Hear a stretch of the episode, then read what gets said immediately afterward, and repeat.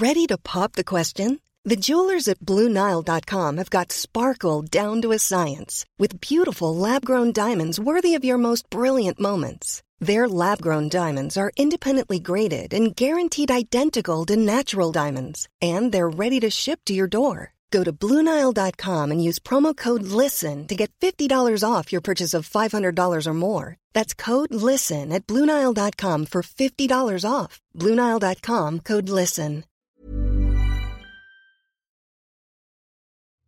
Den där. Den här bruden som du håller på med. Eller nyss älskade. Prata inte för mycket nu. Det här är en podd. Ja. Kan vi klippa tillbaka? Ja, vi får klippa i början. Nöden har ingen lag. Avbryt inte. Hej! Stötta gärna oss på Swish.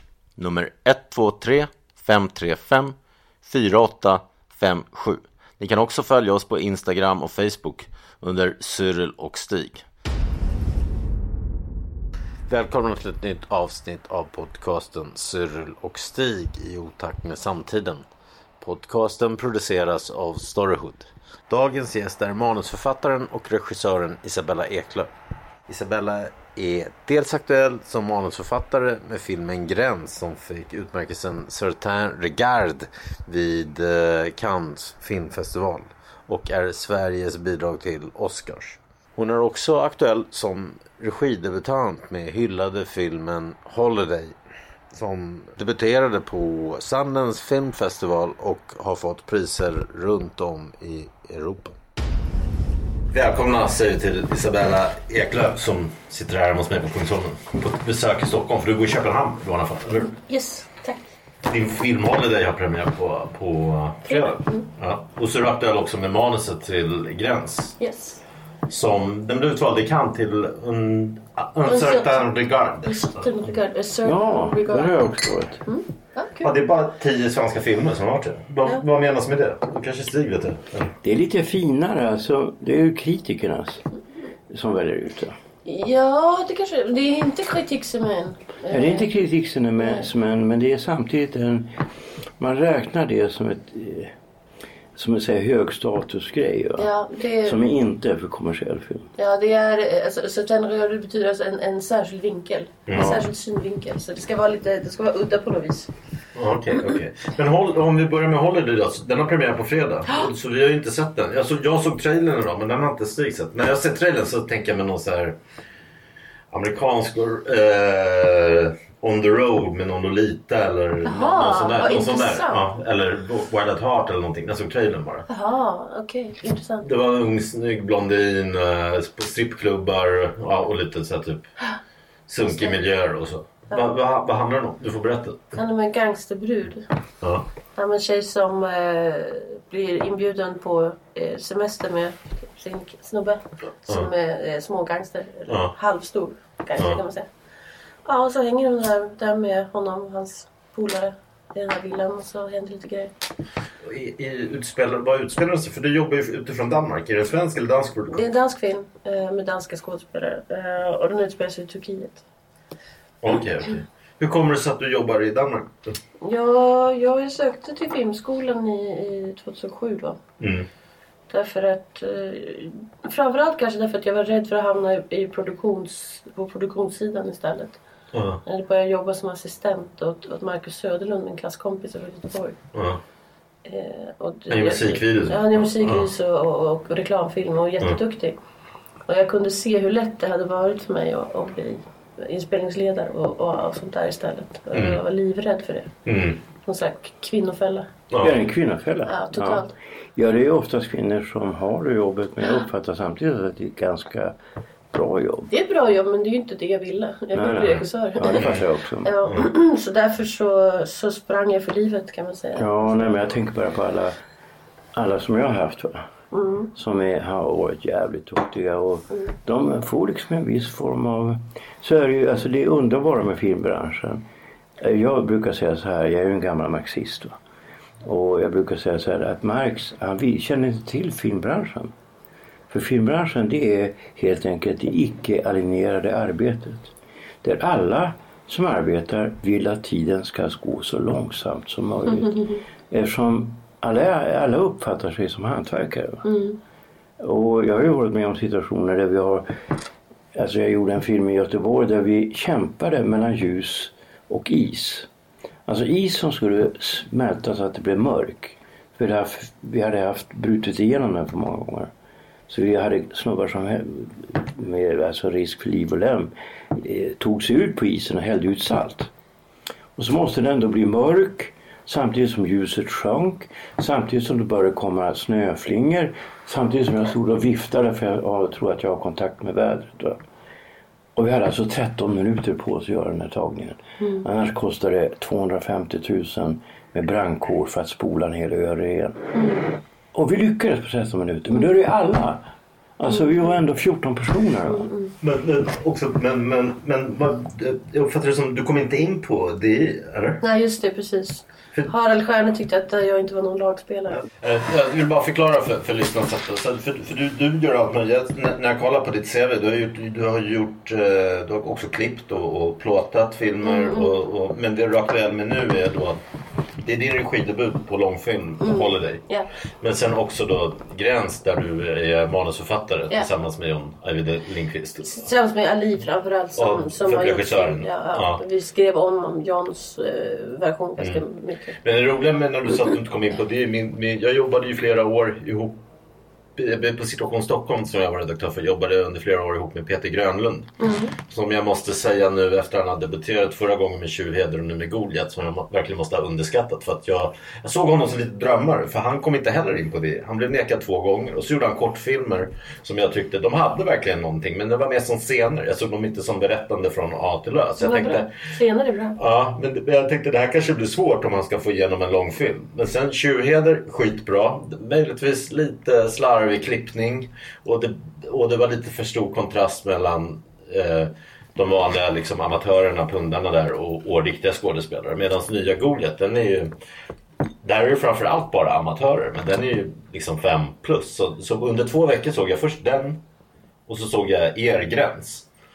Uh, och det är kanske de bästa filmerna på två veckor sedan jag sett på 20 år. Och Wow. För 20 år sedan var det ju Lukas Moodyssons Fucking Oval som kom. Liksom. Mm. Sen har det varit lite Ja, ja, bra ja. med, med, med Låt en rätte komma in och de två Alltså, första... jag tycker- Vänta, vänta. Och de två första Snabba Cash där och, så, och Babak Sebbe också tyckte jag var bra. Men i övrigt så har det Ja, inte men varit- jag, tycker, jag tycker ju att Ruben Östlunds Det ofrivilliga är ett mästerverk. Jag tycker den är inte något vidare men jag tycker väldigt mycket om gitarrmongot och jag tycker väldigt mycket om play. Ja, jo men de är okej, gitarrmålet de är bra, okej, men- men det ofrivilliga tycker Mm, jag... jag tycker den är överdriven i sin... Jag tycker den går... Alltså den här skådespelet är inte så himla bra. Den här bruden som hon är rädd för grupptrycket. Det är ju så billiga poänger. Jo, det är, jo men alltså det, alltså det som är det märkliga med den. Alltså jag fattade för det första inte riktigt hur den var gjort rent tekniskt. För alltså sådär långa scener med amatörer och så många i bild samtidigt. Hur fan gör man det utan att klippa? Va? Den gör ju hundra takes. Ja, alltså, men det vet jag ju nu. Va? Men jag visste inte när jag såg det. Jag blev så jävla imponerad. Tänkte vilket jävla geni. Alltså. Nej, frågan om Ruben Östlund vill- tycker jag nog att någon som Lisa Langset som sysslar med samma grejer. Skrev förresten, gjorde förresten ett väldigt bra sommarprat. Hon sa att du var anledning med VD till att hon blev konstnär. Ja, vad roligt. Att det var en ögonöppnare. Ja. Nej, men hon sysslar ju med samma sak som Ruben.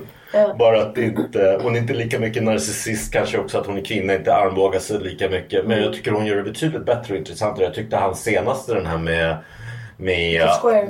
The Square, att den var ju, det var ju som sällskapsresan för kulturmänniskor. Ja, jag har inte sett den för... Och som du säger, att, som du skriver i din artikel i FLM, eller om- om du blev intervjuad. Moral. Att, att, att Sveriges bästa filmare, Ruben, Lukas Moodysson och Roy Andersson har alla sålt sig för, för, till en lättköpt Ja, Det är en väldigt Ja. hård anklagelse. Ja. Men det ligger någonting lite i det. Va? Ja. Och det har att göra med det som jag tar upp i den här artikeln från 1979. Eh, med lite grann den, den andedräkt eller vad vi kan säga som finns i Sverige. Och som präglade Sverige ännu mer på slutet av 70-talet. Det blev lite bättre i slutet av 80-talet, tidigt 90-tal. Sen blev det sämre igen.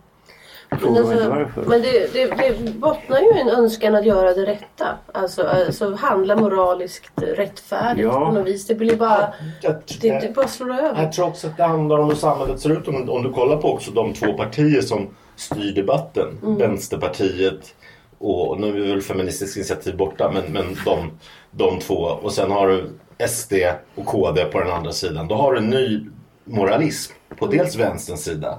De har tagit över mycket av de här moralfrågorna och, och säga vad andra ska tycka och tänka. Men också då från SD och högern. Och Ruben Östlund kör, stå, han står för ny moralism från högerns sida medan då Moddesson och Roy Andersson från vänsterns sida. Så, så att, att, Mm, att de är en del av samhället på det.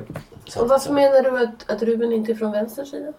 Nej, just det här att kritisera konstvärlden. Ja, men det tycker jag... Åh, Jag är i och för sig värdekonservativ i fråga om konst. Men, Mm. ändå. Och sen det här med play med liksom, då var det, då var det alltså, han skapar ju en debatt att, att det här kanske är rasistiskt det han gör. Även om han, han baserade sig på en sann historia. Men det är ändå lite, det, det känns som en liten, han, sen vet man ju var han kommer ifrån. Vad heter det där överklassområdet i Göteborg? Askram eller? Askim. Jag trodde han var från en av öarna. Nej, så man, man, man känner, sig, man känner ett, ett typiskt överklassbarn som har fått, som har fått Ja, men alltså, på det man kan hela sitt liv och sitter och irriteras över invandrarungdomar. Att Cyril har en nära relation med en kvinna som är konstnär som jag tycker är väldigt bra.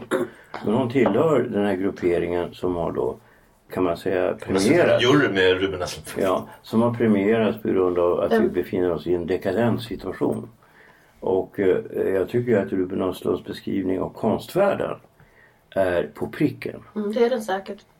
Alltså det är för att konstvärlden som jag har följt, det kan du läsa om du läser det här. Jag har ju följt det sedan 71-72. Alltså när jag själv var 16-17 år. Mm. Och, Jo, Fast eh, den där kritiken har ju Johan Akelius och även jag fört fram för Jo, nej, men alltså, 20 år sedan. Alltså jag, jag, det- jag är inte, jag, film. jag är inte emot modernism. det slår in öppna dörrar. Ja men alltså jag är inte... Ja men alltså jag är inte emot modernismen och så men jag inser vilka problem som fanns. Det insåg jag redan då när jag var i tonåren. Mm. Och jag skrev om det eftersom jag då själv såg framför mig att jag skulle arbeta som konstnär. Mm. Och, och jag upplevde då att det gick helt överstyr. Jag skulle säga vid året, årsskiftet ungefär 89-90. Mm.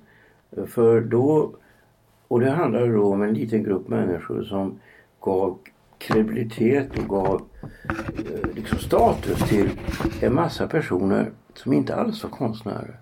Utan som var bra på att mingla, bra på fester. Men har det inte alltid varit så? Så Nej. är det, men så är det nu Nej, men nej, det har inte alls alltid varit så. Och Sverige har varit lite speciellt eftersom Sverige har varit ganska isolerat. Alltså ända fram till början av 60-talet så var Sverige en del av det internationella konstlivet. Men sen kom Sverige på grund av den speciella situation som Sverige hade med vänstern och så, som kom mycket tidigare i Sverige. Så kom Sverige att distansera sig ifrån den inter- internationella konstvärlden. Och om man tar åren 71, 72, 73, 74 så var jag den enda som skrev om internationell konst i Sverige. Och jag var ju då tonåring, förstår du? För jag läste då L'Art Vivant, jag läste Art Press, jag läste Studio International. Jag hade ganska bra koll på, du vet Joseph Beuys alla de där va. Men det hade de inte i Sverige. Nej. Jag blev, det var intressant att du nämnde de åren för jag satt och pratade med någon, jag berättade för en dansk om hur det här med Roy Andersson och Giriap. Ja. Jag undrar om det finns ett koppling till den här... ja, för jag var ju en av de enda som försvarade Gidap. Ja, eh, det var ju vansinnigt konstigt. Ja, och det har att göra med att alltså, det fanns en sån stark animositet gentemot konstnärer i Sverige. Ja. Som byggde väldigt mycket på animositeten. Jag ska av.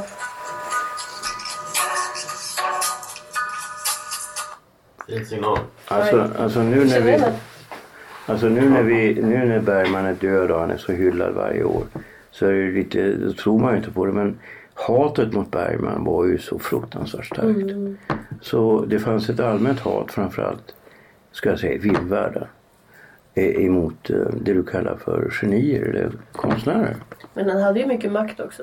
Han hade alltså under flera år hade han ingen makt alls. Han blev ju faktiskt utvisad från Sverige. Okej. Ja, ja, då ja. Men senare. Ja, senare fick han ju makt va. Ja. Men då hade han varit i sin karantän som det heter. Både han och Lars Gustafsson. Eh, som jag håller som en väldigt bra författare. Eh, inte, inte alla hans böcker är, är mästerverk men han har skrivit några mästerverk. Några av de bättre romanerna efter andra världskriget har han gjort. Han och Jan Myrdal. Eh, och, eh, men man, man kastade ut eh, Gustafsson på grund av att han inte var vänster. Kastar du hur? Genom att ha attacker på honom dagligen i, i, i Dagens Nyheter. Eh, alltså hån emot honom.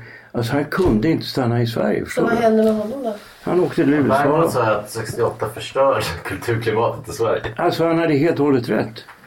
Därför att de där människorna, jag tillhörde vänstern. va. Alltså jag var med i första FNL-rörelsen. Och sen var jag med i, för jag tyckte inte att de där i FNL-rörelsen verkade seriösa. Jag kommer själv från arbetarklassen och de här var ju professorsbarn. Va? Just det.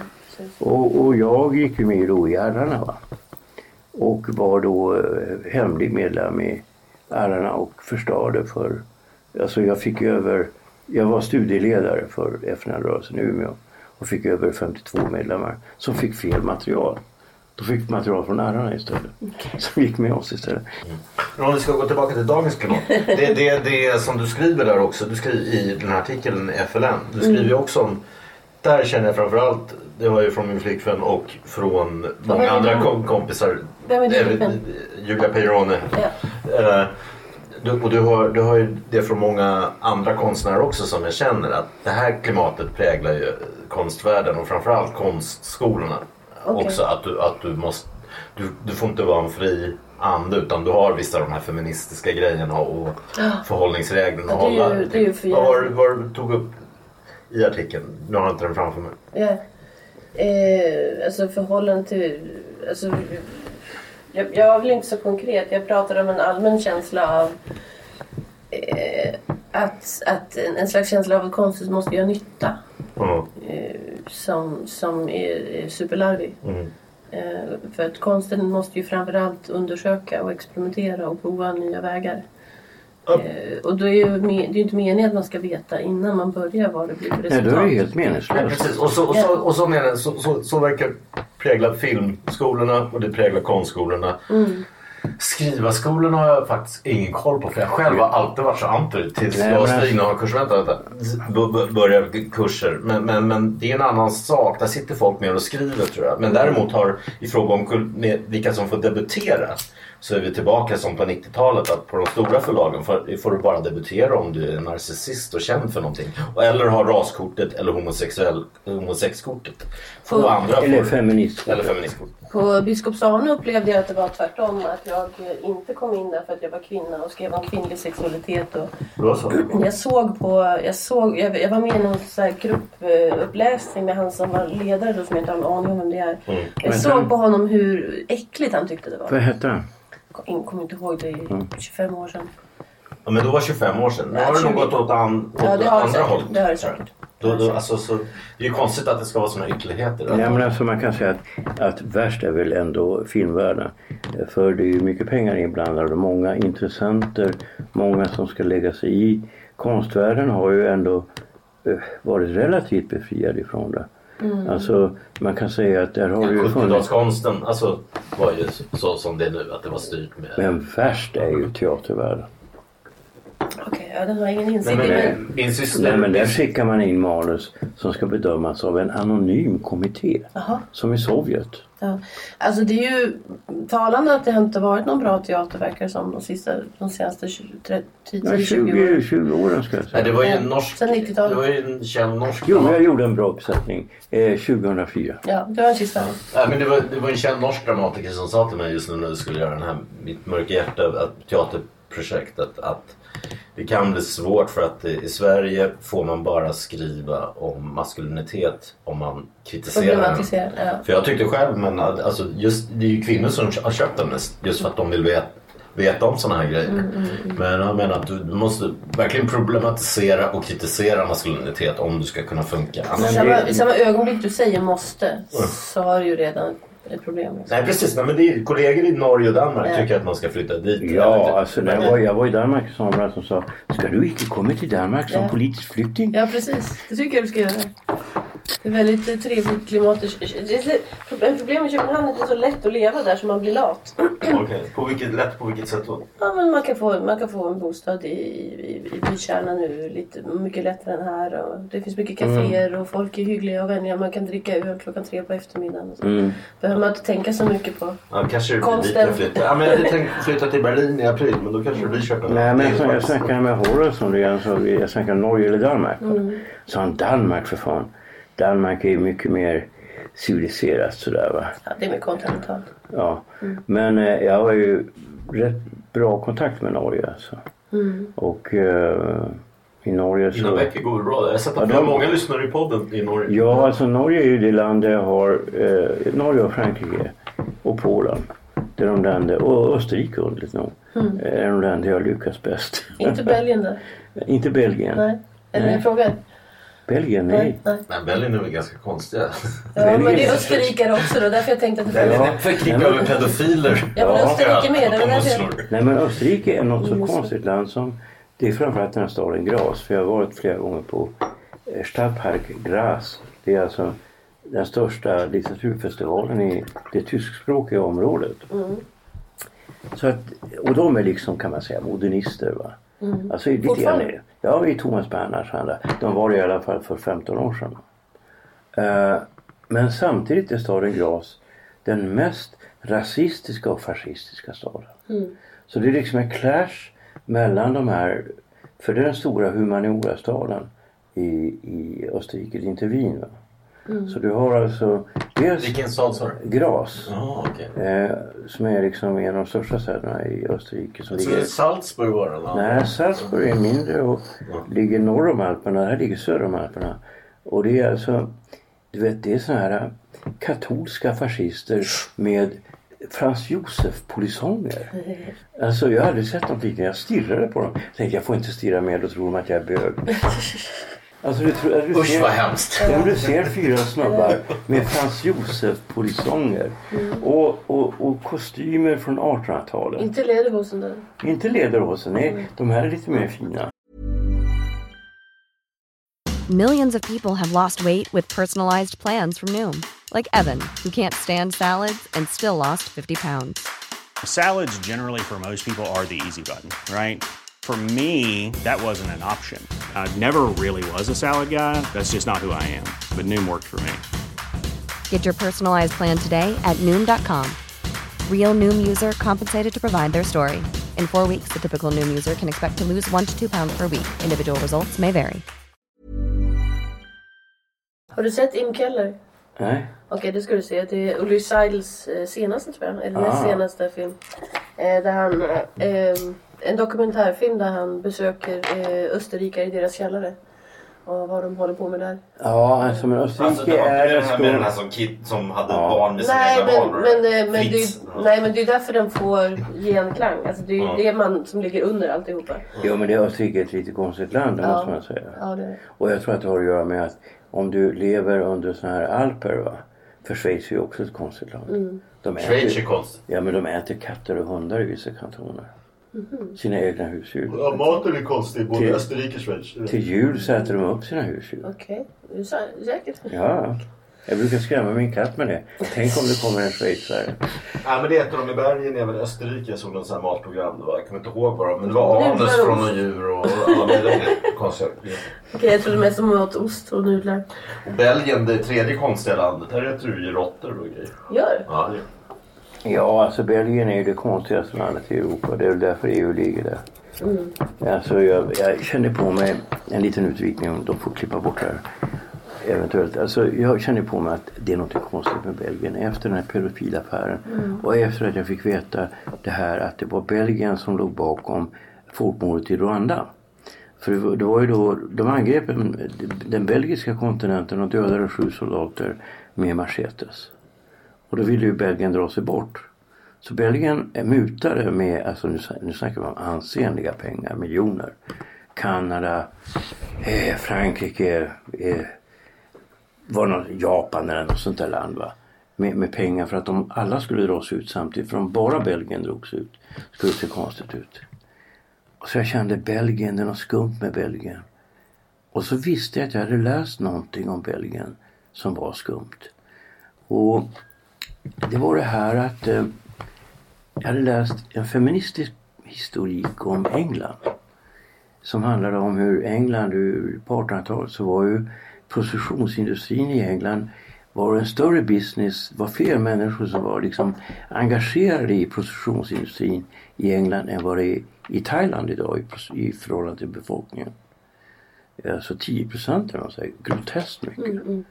Och att en väldigt populär sak det var att strypa eh, unga flickor efter att man hade deflorerat dem. Eh, och eh, jag känner på mig att det är något skumt med det här. Va? Så jag känner, det var någon natt när inte jag kunde sova så gick jag omkring i mitt rum och som sniffade mig fram till en bok som låg väldigt långt ner, längst ner. Som jag hade snott när jag var 15 år som hette Sexualiteten, en naturkraft av Robert Ester Ropp. Och den beskrev då hur den här engelska prostitutionsindustrin den drevs av belgare. Så belgare var inblandade i det här. Okej, Eh, de här morden av tjejer. Så det är, någonting underligt med Belgien. Ja, alltså den där pedofilskandalen var ju, alltså det var ju ministrar. Eh, typ. Vad vad? Nej, nej, det tror jag inte. Var det Men det Nej, var, det var bara- i det- alla fall? Nej, nej, nej, det var han som hittade på en massa skit för Ah, nej, nej, nej, nej, bullshit. Eh, Men alltså Belgien är ändå skum. ja, det är nog skumt. Och jag Ja, tror att det går samtidigt har de jävligt bra serier. Tintin. eh, Smurfarna. Smurfarna kanske inte är så bra men Tintin, Gaston. Det är flera bra serier i alla fall. Och, sen, och så har du Jacques Brel också. Lite Sen bra. finns det en Och väldigt bra ägg film. Och författare så Hugo Claus också. Och Siminal. Georges Ja, Han är belgare faktiskt. Och Claude Simon är också där. Ja, Georges Siminal. Är han belgare? Ja, en belgare också. Vad var det jag skulle säga med... Vi kan berätta för de lyssnare och för Stig som inte har sett Gräns. Och, en och- trailer. Ja, men jag kan berätta för Stig och lyssnarna. Det handlar alltså om... Jag hade väldigt svårt för att gå och titta på den först. För att jag avskyr övernaturligt och troll och tomtar och den här Games of Thrones som alla kompisar ser på. den- Den kan jag inte se för att det är en drake säger de i. Det går inte. Jag, jag, jag får aversioner bara jag hör Star Wars till exempel. Liksom.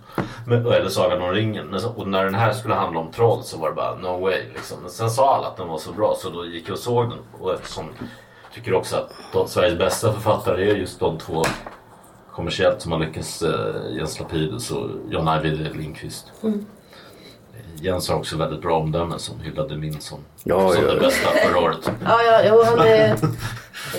Men, God men, talk. ja, men i alla fall. ehm, det handlar också alltså om en, tull, en kvinna, eller hermafrodit kände jag det som i början. Så, som, som sniffar till sig inte bara narkotika och sånt utan även såna här typ USB-minnen med barnpornografi och sådär.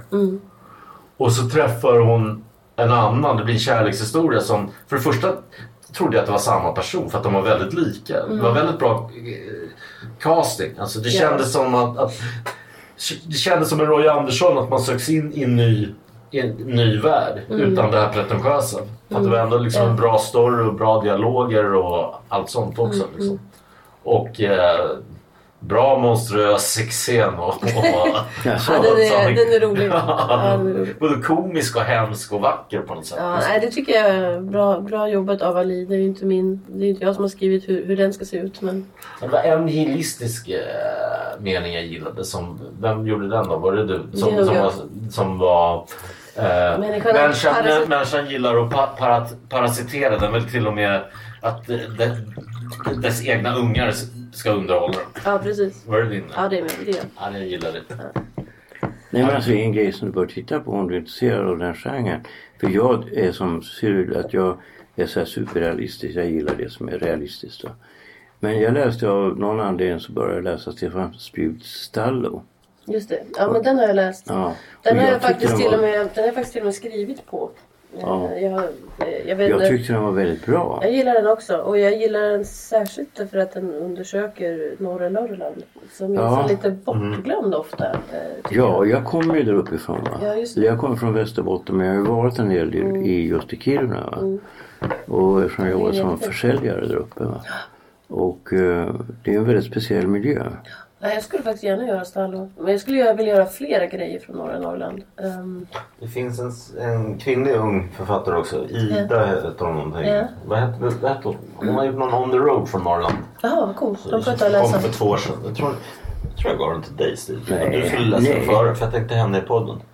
Nej, ja. Holmström eller... Nej, Ja, men jag har så bra Jag minne för namn. Men hon gjorde en on the road journey från, från Norrland. Som Det finns en, en film som blev helt bortglömd som jag tycker är väldigt tragisk. Eh, som gjordes av... Eh, Ida eller Linda heter hon. Mm, mm, ja? Mm. eh, vad fan heter han? Leif... Han har väldigt vanligt namn. Leif-Göran... Lars-Göran Eriksson. Som gjorde en film som var en, en nordnorrländsk roadtrip över hela Ja. Nordkalotten. Mm. Eh, som var skitbra. Skitrolig och, och underfundig och välspelad. och Fullständigt bortglömd. Ja. Ja, det är tyvärr en del filmer som, Ja. om de inte slår igenom på något sätt. Det är samma sak med en film som jag vet att, som inte jag har sett. Men jag litar väldigt mycket på Horace Engdahls omdöme. Och han såg den för att det var en fotograf som han kände som hade plåtat den. Och det var den här Jarden av, ehm, ja, den var bra. ja, ja vad heter han eh, som har skrivit den som är ju faktiskt bra va? Lundberg. Ja, Christian Lundberg som jag hade en massa fördomar emot. För han, Nej, han är jättetrevlig och Ja, jag jättebra vet. författare. Men han skrev ner någon bok av mig då gillade jag inte honom. Men, men, alltså, men alltså man måste ju kunna Han, ändra. han, han lyssnar på podden faktiskt. Ja, man måste kunna Jag ändra. honom i... Man måste kunna ändra uppfattning. Och. Alltså, Och det finns folk- danska killen? Nej. nej. Christian Lundberg, poet och Okej, okej, okej. Nej, men Det finns en alltså. dansk som heter det också. Även om folk tycker illa om mig kan jag tycka om dem. Men eh, Jag tycker inte nödvändigtvis illa om dig för att han inte gillar just den boken. Precis. jo, det är exakt samma sak. Ja, Jag, jag håller egentligen med dig. Det är exakt samma sak. Men man kan ju misslyckas ibland också. Jag har aldrig gjort det. Nej. Är du nervös inför, inför recensionerna på fredag? Ja, det är klart. Det är ju Ja. min första film och det är Sverige och Sverige dömer hårt när hon dömer. Särskilt om det är någon som jobbar utifrån. Jag kommer ihåg Johan Renck blev totalsågad. Ja. Fast den filmen ska inte alls vara så dålig. Liksom. Uh, det Vilken finns då? det var Downloading Nancy eller vad den heter. Den. Ja, han sa till mig i alla fall att jag borde gilla den. Den var väldigt mörk tydligen. Men jag Men, tar... men jag har hört från andra att den inte alls är så dålig. Liksom, som, som, Mm. den, den fick ett plus här. Det fick den inte i övriga världen tror jag. Att det var mycket avundsjuka. Nej men alltså man kan, det sä- ser- man kan säga så här att det, jag blev så häpen när jag läste den här texten du hade skrivit. För jag tyckte de var, aha, det är någon som har sett hur det är. Eh, och du är liksom inne i branschen på ett annat sätt än vad jag är. Va? Ja, just nu är det. Ja. Ser hur länge det varar. Och, och du är mycket yngre än vad jag och du är kvinna. Och att du ser samma sak som jag har sett i så många år. Va? Därför att det finns en, en, en sorts repression som inte är uttalad i Sverige. Absolut. Men, men jag tror att det går längre än alltså I Danmark så är ju bilden av Sverige bara att ja, alla är så himla PK. Men det går mycket djupare. Det så. går mycket längre Ja, tillbaka och jag skulle säga att det går tillbaka till, ja, säg slutet av 60-talet. Men, men, att Kanske du, tidigare. men att du vågar kritisera till exempel att, att, att, för det är ju helt horribelt att, att till exempel att du har kursplaner som styrs till exempel av genus och sånt. Det där håller jag med Stig att man ska göra som i Norge förbjuder.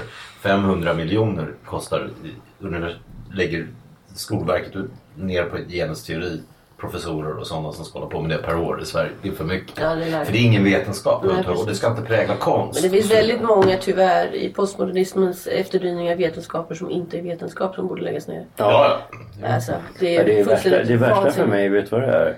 Det är att jag råkade intervjua Michel Foucault 1978 Ja. i december. Jag håller Michel Foucault för att vara en betydande tänkare. Och, eh, och på grund av att vi presenterar också Derrida, han skrev originalbidrag till vår tidskrift. Så har jag blivit kallad postmodernist. Jag som alltid har bekämpat, jag som alltid har liksom stått för att världen är absoluta och så vidare. Och man kan inte... Du är också religiös. Ja, men det, jo, men alltså jag snackar med Horace om det. Man kan, om man är någorlunda kunnig så kan man under inga som helst omständigheter kalla Foucault eller Derrida för postmodernister. Nej, De är inte det. vad är de då? Vad sa du? Vad är de då? Vad är de då om de inte är postmodernister? De är i alla fall... De, de De tillhör... används av postmodernister Ja men alltså de, de, du, du kan kalla någon för nazist och använda dem som nazister. Du menar Alltså- kalla Nietzsche för nazist? Ja, nej, men alltså, han var väl ingen nazist. Och, och, Nej. Alltså att på slutet av sitt liv, Foucault, han, Nazister va? Ja, Foucault han ju blir så pass gammal att han fattade att det här var allvar. Va? Foucault Så ser han, som socialist. han, han gick ju in på slutet och sa, deklarerade att han st- ställde sig på Frankfurtskolans sida. alltså i debatten mellan Habermas och Richard Rorty va, i USA. Eh, att han var liksom ungefär som, alltså du vet vad Frankfurtskolan är. Alltså Frankfurtskolan är en skola som uppstod på 20-30-talet eh, i efterklang av, av marxismen. Va? Eh, det, var ju, det var ju då Adorno, Horkheimer och eh, sen Walter Benjamin var kanske mest betydande. Och sen kom ju Jürgen Habermas in efter andra världskriget. Va? Och de stod för en slags, kallade det för analytisk marxism som inte var dogmatisk. Va? Utan så var, och Horkheimer, Adornos upplysningsdialektik var väl på gott och ont betydde väldigt mycket för USA och för det du kan kalla för, ja inte hippierörelsen men alltså du förstår vad jag menar. Mm. Alltså att man vände sig mot auktoriteter och så. Mm. Och, och de analyserade, för de kom ju då, de var judar, de kom till USA. De analyserade Flesta massmedia. betydande tänkare judar. Ja, ja, nu behöver vi inte hålla på med varken semitism eller antisemitism. Men, men alltså det, det är ju det är, det är helt absurt att behandla människor som har bekämpat borgerligt tänkande för att kalla dem för Ja, postmodernister. men Isabella, att du vågar, det som jag ville komma till när Stig avbröt mig. Att du, att, alltså, för att om, om de som styr, särskilt från vänster, den här debatten om den här nymoralismen från vänster och framförallt vad, vad, att, som nu sitter de och bråkar, dels kvinnorna mot varandra, som man ser, de, det, är inget systerskap direkt. De bråkar dels om klimakteriet, hälften är för att man måste, visa filmer om det, hälften vill inte, de tycker det är jobbigt och vill inte att det ska skrivas eller, eller filmas om klimakteriet. Det här har vi sett. Dels har du den frågan och sen har du också Åsa Bäckman inblandad i alla tror jag på DN. Sen har sen har om husfru att det är fult att bli försörjd av sin man och, och så vidare. Ja, och det det. tycker det är skönt. Själv har jag till exempel blivit försörjd av kvinnor. Jag tyckte det Ja. var alldeles utmärkt. Mm. Men, men i alla fall eh, med eh, att, att, att, du, att du vågar, du kommer, du, eller du kanske inte är överklass men du kommer från Lidingö som är ett överklassområde. Mm. För jag menar arbetar, arbetarklassens kvinnor de skiter också i, de här, i den här feministdebatten. Det är egentligen medelklassen som håller på sådär. Men det jag Och är. överklassen skiter också. För att Ja. överklassen bryr sig inte. De, de är trygga i sig själva de Precis. kvinnorna. Men jag är väldigt gedigen medelklass och mina, mina föräldrar är väl någon slags eh, akademiker även om de inte hade några välbetalda jobb. Men jag har ju bott på Lidingö då eh, bland en massa människor som var rikare än mig och, det, och jag har Du bodde i ett, fult hus sa du till mig förut. Nej, det var va- väldigt vackert men väldigt slitet och Ja, låg i ett väldigt uh, skarpigt område. Mm. så ja, ja, men mina föräldrar var nog framförallt eh, fritänkare så, Mm. så då spelade det kanske i det fallet mindre roll. Vilken, men pappa var väldigt mycket underklass. Ja, han var från Vasastan sa du. Just det, Frejgatan. Precis, pappa, farmor var portväkterska och eh, eh, servitris. Eh, och väldigt populär. Ehm, och, men mamma var, var en, en, en borgartös från Gävles eh, finare. Ja, det är som min mormor. Ja. Hon är också från Gävleborg. Ja, ja, ja. Faktiskt egentligen... Ahlgrens bilar de där hade hennes mamma. Jaså, de som jag gillar. Läkerol. Jag kanske har lite underklass och överklass, blir medelklass, konstiga anor. Men de var, väl, men de var äkta Ja, fritänkare. det finns ju väldigt fina borgerliga ideal som, som, som alltså kunskap. Ja, ja och- precis. Kunskapssökande. och hyfs bö- Böcker, och böcker och piano. Vem var det som skrev det? Eh, det Jag vet inte. Eh, Det, är en, Piano började med när jag var sju. ja, alltså det, finns fyra, kla- det finns fyra steg i att vara medelklass. Antingen har man bara bokhylla, eller så har man bara piano. Eller så har man både, eh, nej, först är det de som varken har bokhylla och piano. Så kom de, Ja, allt i alla fall så mitt hem. de Däremot så är det hos De är både, högst upp på stegen. liksom. hos både den övre medelklass och alltså som har den kulturella och Mm, den adliga så finns det, det finns de som vårt där det inte finns pengar. Ja, men till vi hade, exempel. jag kommer Carl Johan De Geer har tagit upp det där en del. alltså jag kommer från arbetarklass men vi hade ju faktiskt både bibliotek och piano. Och det, ja.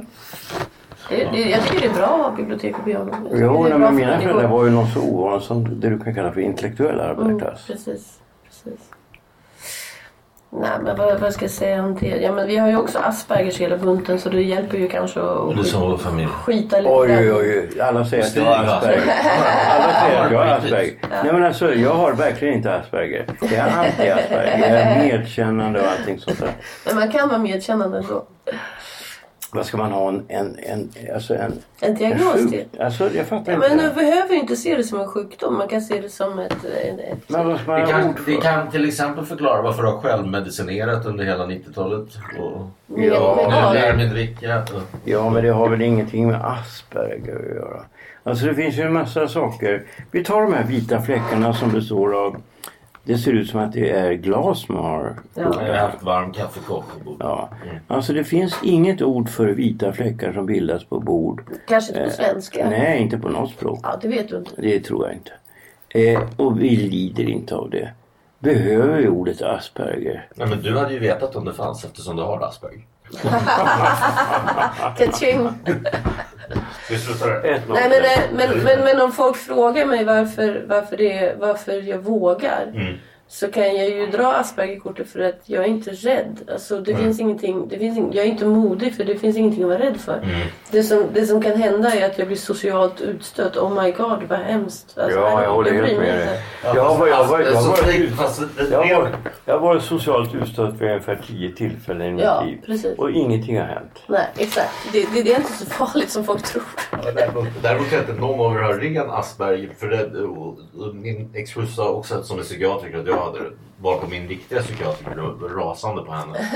Men, men det är som Stig säger, de brukar ha lite svårt med medkänsla och empati. Och, Det finns och, olika- och för finns fem- skriva så är ju det den viktigaste egenskapen. Det finns fem olika, olika ställen, olika parametrar som man kan mäta det på. Men, men det, det spelar ingen roll. Men, men egentligen det spelar ingen roll med Aspergers inte. Men det är ganska skönt att, att, att få lov till att kasta av sig de här förväntningarna på att man ska bry sig om de sociala hierarkierna. Ja, Eh, Och då är den här diagnosen rätt skön. Så här, ja, jag har Asperger så därför bryr jag mig inte.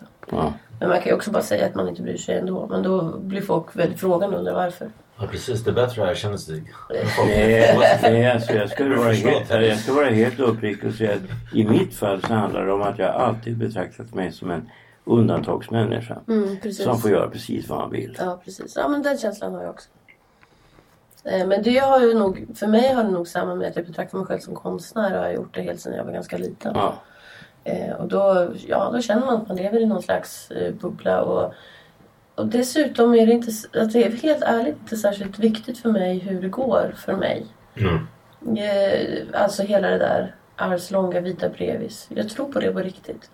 Det, det är inte Ja, det, viktigt. du, det tror jag, är, jag tror faktiskt, jag skulle vilja gå så långt som att jag tror att det är nästan en, kanske inte nödvändigt, men nästan en nödvändighet för att göra konst. Ja, kanske det. För det är verkligen inte viktigt om jag överlever. Därför att om du, om du börjar snegla åt det hållet Ja, precis. Så börjar så jag har du redan börjat Ja, komma in precis. göra Men du har inte barn? Det är sant. Det är sant. Men jag är rädd för att om jag hade det så skulle jag, skulle jag kanske eh, inte vara lika närvarande som jag borde. Ja, du kanske måste skaffa en man som är beredd att göra, få barn med dig när Ja, men det är hade varit trevligt att vara kille för då hade jag ju haft en massa barn redan med alla de Men här du är inte så jävla, tillfälliga du är inte så förbindelserna jag hade. gammal. Hur gammal är du? Jag är jättegammal. Jag är 40. Nej, är du 40 år? Jag tror du var mycket yngre. Tack ska du ha. Vi sluta där? Vi slutar där. Eh, innan, innan vi avslutar vill jag säga att, att eh, man kan fortfarande skicka in svar till eh, på vår frågetävling för att få komma till vår fest där vi bjuder in alla gäster på Eriksbergs eh, festlokal catering på Eriksbergsgatan. Antagligen i slutet av månaden blir det som det ser ut som. Och alla tidigare gäster, så du är också bjuden.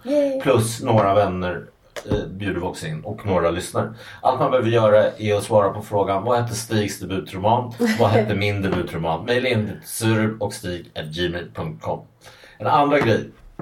Och man, man kan också söka upp Studiefrämjandets hemsida eller ringa dem och beställa en katalog. För vi fortsätter med vår skrivarkurs med start i början av februari. Och vi kan väl säga så här att det är väldigt, en väldigt framgångsrik kurs. Ja, ja, precis. Alla har varit duktiga elever och har blivit ännu duktigare på bara Ja. två månader. Kul.